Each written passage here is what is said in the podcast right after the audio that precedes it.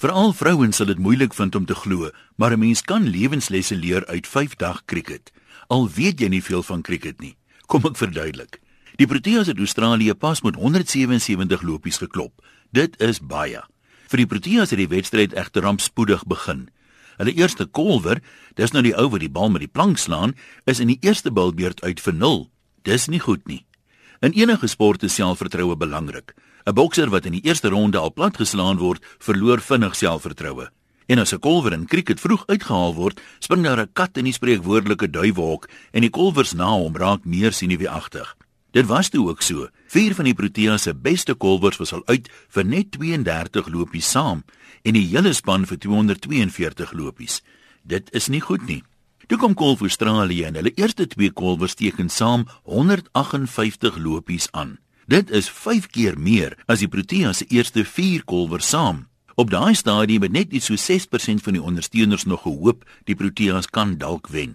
Australië se selfvertroue was hoog en Suid-Afrika se laag. En 'n Australiër met baie selfvertroue is so knaand soos 'n dronk man wat liefde soek op 'n partytjie. Maar gelukkig dryf hoop mos.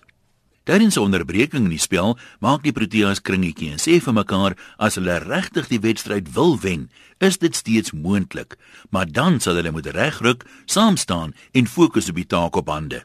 Dit het gewerk en hulle haal al 10 Australië se kolwers uit vir net 'n bykomende 86 lopies. Dit is min. Toe kry die Proteas weer kans om te kolf en hierdie keer gebruik hulle hulle kansse en teken meer as 500 lopies aan. Dit is baie goed. Australië moes toe 539 aanteken om te wen, maar die Proteas haal hulle almal uit vir net 362 en wen dus met 177 lopies. En dit nadat hulle beste bowler, dis nou die ouens wat die rooi bal na die kolwer toe gooi, vroeg in die wedstryd beseer is en nie verder kon speel nie. Nou watter lewenslesse kan ons uit hierdie wedstryd leer? As jy swak begin, beteken dit nie jy klaar verloor nie. As die lewe jou plat slaan, kan jy altyd weer opstaan. Al is dit nie maklik nie. As jy nie opstaan en terugveg nie, kan jy nie wen nie. Staan saam en fokus op julle gemeenskaplike doel.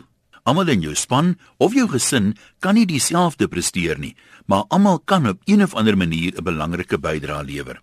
En daar sal altyd terugslae wees, maar selfs met beserings in die Proteas se beste kolwer en bowler kon hulle steeds wen, omdat ander spelers besef het hulle sal nou ekstra goed moet speel.